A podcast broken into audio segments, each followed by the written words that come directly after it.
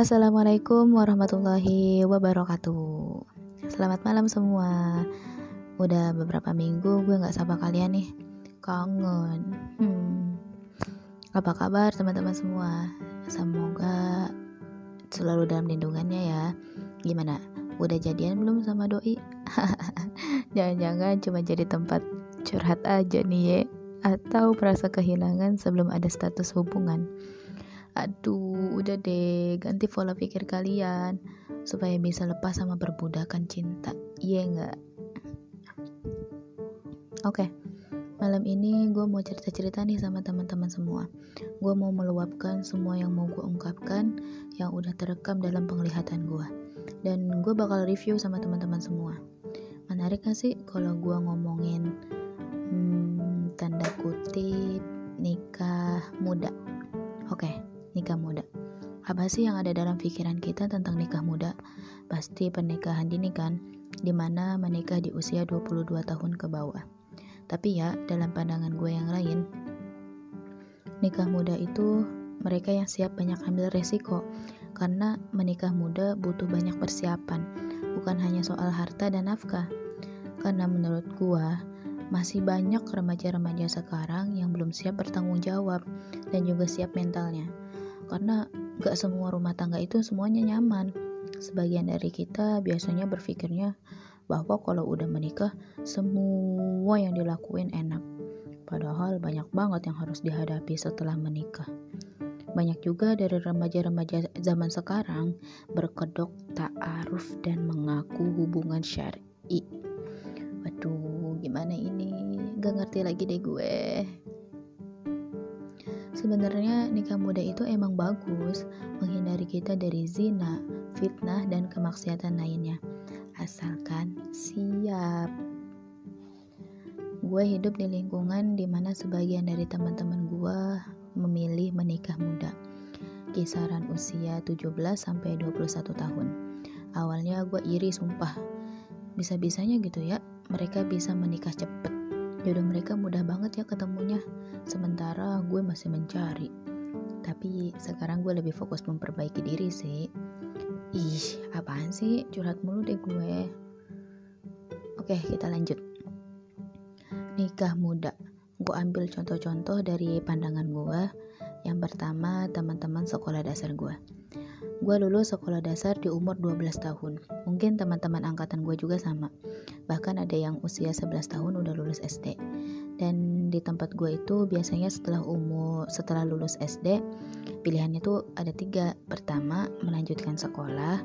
Yang kedua nggak melanjutkan pendidikan tapi jadi asisten rumah tangga di rumah orang. Dan yang ketiga yaitu nikah sebenarnya gue sedih sih lihat teman-teman gue di usia masih belia 12 tahun harus bekerja buat bantu perekonomian keluarga mereka. Tapi gue lebih sedih lihat teman-teman gue di usia belasan tahun mereka bisa nikah lebih dari tiga kali pernikahan. Bayangin woi usia 12 tahun dia menikah. Satu tahun pernikahan bercerai. Beberapa bulan menjanda.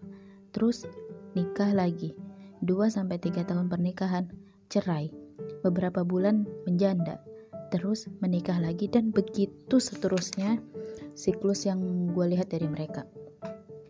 Apalagi di setiap pernikahan selalu punya anak dari ayah yang berbeda. Gimana Indonesia nggak jadi negara berkembang coba? Orang rakyatnya sedang berkembang biak. Udah gitu, kadang kalau perceraian terjadi, masing-masing dari mereka gak mau urus anaknya. Akhirnya si anak dirawat sama kakek neneknya, entah dari pihak ibunya atau ayahnya.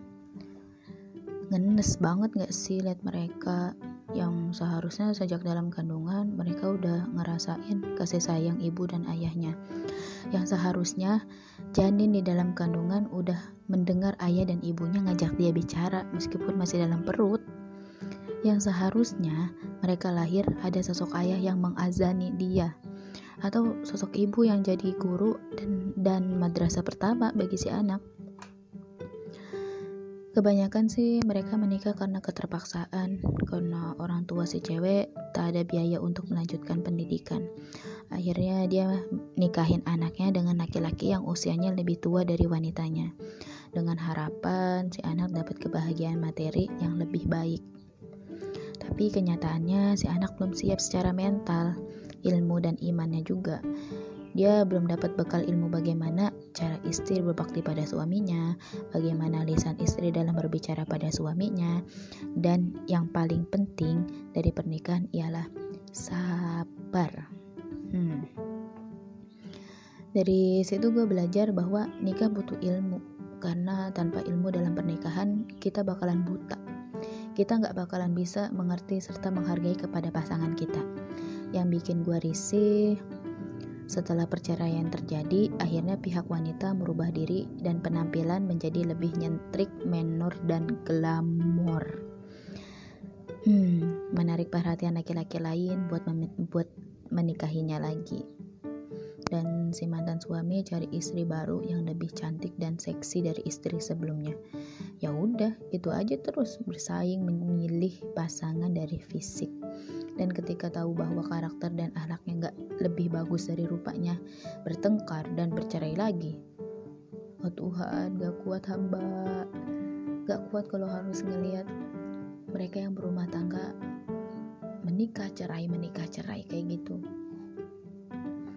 dan ketika gue sekolah SMP dan SMA pun gak jauh begitu tapi bedanya kebanyakan teman-teman SMP SMA putus sekolah di tengah-tengah jalan gitu Mungkin salah satunya karena berpacaran yang kelewat batas dan kebanyakan dari mereka hamil di luar nikah. Maaf nih ya. Menurut gua, hamil di luar nikah itu bukan hanya faktor pergaulan bebas, tapi kurangnya komunikasi antara orang tua dan si anak. Waktu gue SMP, ada salah satu teman laki-laki gue cerita ke gue. Eh, ngomong-ngomong, zaman SMP gue bawel banget sampai-sampai anak-anak cowok di SMP gue kebanyakan panggil gue itu emak atau ince. Karena gue emang bawel banget kalau mereka bolos pelajaran. Uh, setelah mereka masuk kelas gue ajak mereka ngobrol. Gue kasih ceramah penerang hati supaya mereka tobat. Dan dari kebawelan gue sering ceramah ke teman-teman. Akhirnya dari situ gue banyak dapat kepercayaan buat jadi teman cerita tapi gue bawel-bawel gini juga gue nggak pernah laporin teman-teman gue yang nakal ke guru karena gue nggak mau jadi cepu. 2015 viral banget tuh kata cepu kayak gitu.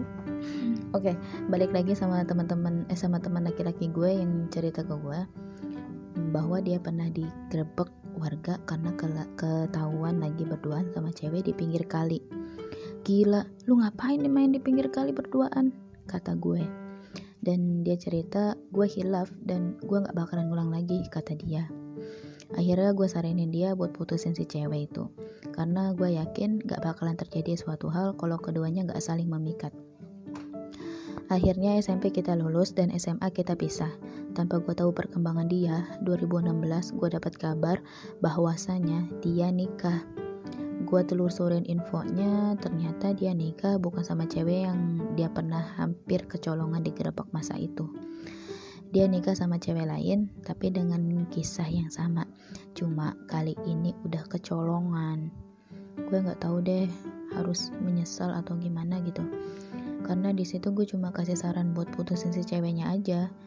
Dari sini gue belajar pacaran itu sama dengan nafsu Gak mungkin dipacarin kalau gak ada maksud dan tujuan.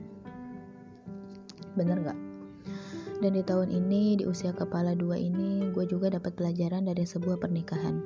Yang pertama, dari teman-teman satu geng gue. Di geng gue itu berjumlah 8 orang, 4 orang laki-laki dan 4 orang perempuan. Alhamdulillah dari 8 orang ini udah sold out satu orang 2018 lalu. Temen cewek gue ini panggil aja Mawar. Jadi si Mawar ini salah satu anak korban perceraian. Akhirnya dia tinggal sama neneknya entah sejak dia usia berapa gitu. Yang bikin gue bangga si Mawar ini anaknya kuat dan taat banget. Karena kurangnya perhatian, si Mawar balas kesepiannya dengan bakti sama nenek kakeknya. Sebenarnya gue empati pas dia mau nikah. Anak perempuan gitu kan, harus kalau nikah kan harus diwaliin sama bapaknya kalau emang bapaknya nggak bisa bisa menyerahkan kepada wali perempuan yang terdekat. Setahu gue sih bapaknya itu benar-benar gak kasih dia nafkah. Bahkan si mawar gak tahu keberadaan bapaknya di mana. Entahlah waktu dia nikah bapaknya datang atau enggak. Betapa sayangnya Allah sama si mawar Allah ganti kekurangan orang tua si mawar dengan mertua yang sangat amat sayang ke si mawar bahkan si mawar udah kayak anak kandungnya sendiri kali ya Meskipun si Mawar memutuskan menikah muda, tapi si Mawar mampu sabar ketika materi suaminya lagi seret. Dari sini gue belajar nikah butuh kesabaran. Bener banget sih. Dan gue ambil juga cerita dari teman-teman gaul gue saat gue kerja di pabrik beberapa tahun yang lalu gue punya temen deket saat kerja dulu dan yang paling deket cuma sama mereka bertiga sih. Panggil aja yang pertama Bumil atau ibu hamil yang kedua empok hamil dan yang ketiga adalah mamah muda. E, ibu hamil menikah awal tahun 2020 kemarin dengan cobaan pernikahan yang menurut gue amat berat. Karena Bumil ini pekerja tetap sementara si calon suaminya cuma pekerja kontrak banyak dari teman-temannya menggosipkan ke si ibu hamil kok mau sih ya dia? Padahal kan dia udah pekerja tetap kenapa cari suaminya pekerja kontrak gitu?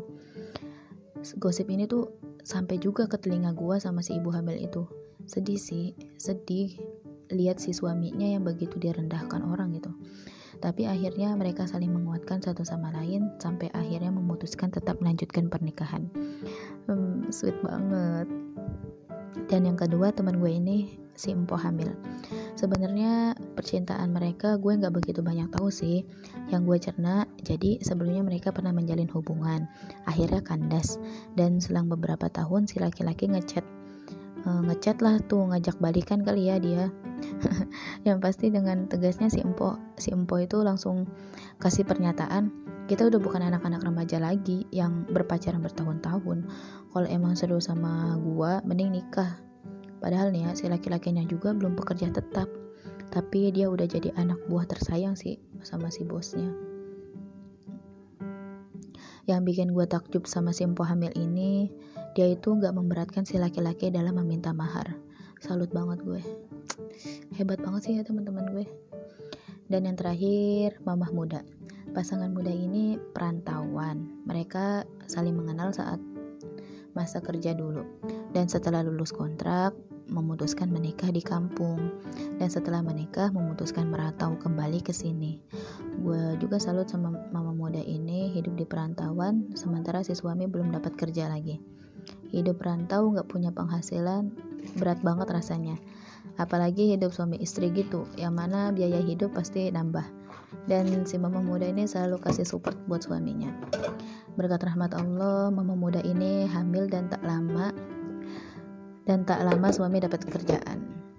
Dan bulan lalu dia udah lahiran dengan selamat anak laki-laki yang ganteng banget. Kalau gue seumuran sama anaknya udah pengen dinikahin aja dah. Dari beberapa kisah tadi gue belajar ternyata benar nikah itu butuh kesiapan. Bukan soal harta tapi juga tentang ilmu kesabaran dan juga saling menerima kekurangan satu sama lain. Buat teman-teman semua yang kelamaan pacaran udah nikah aja.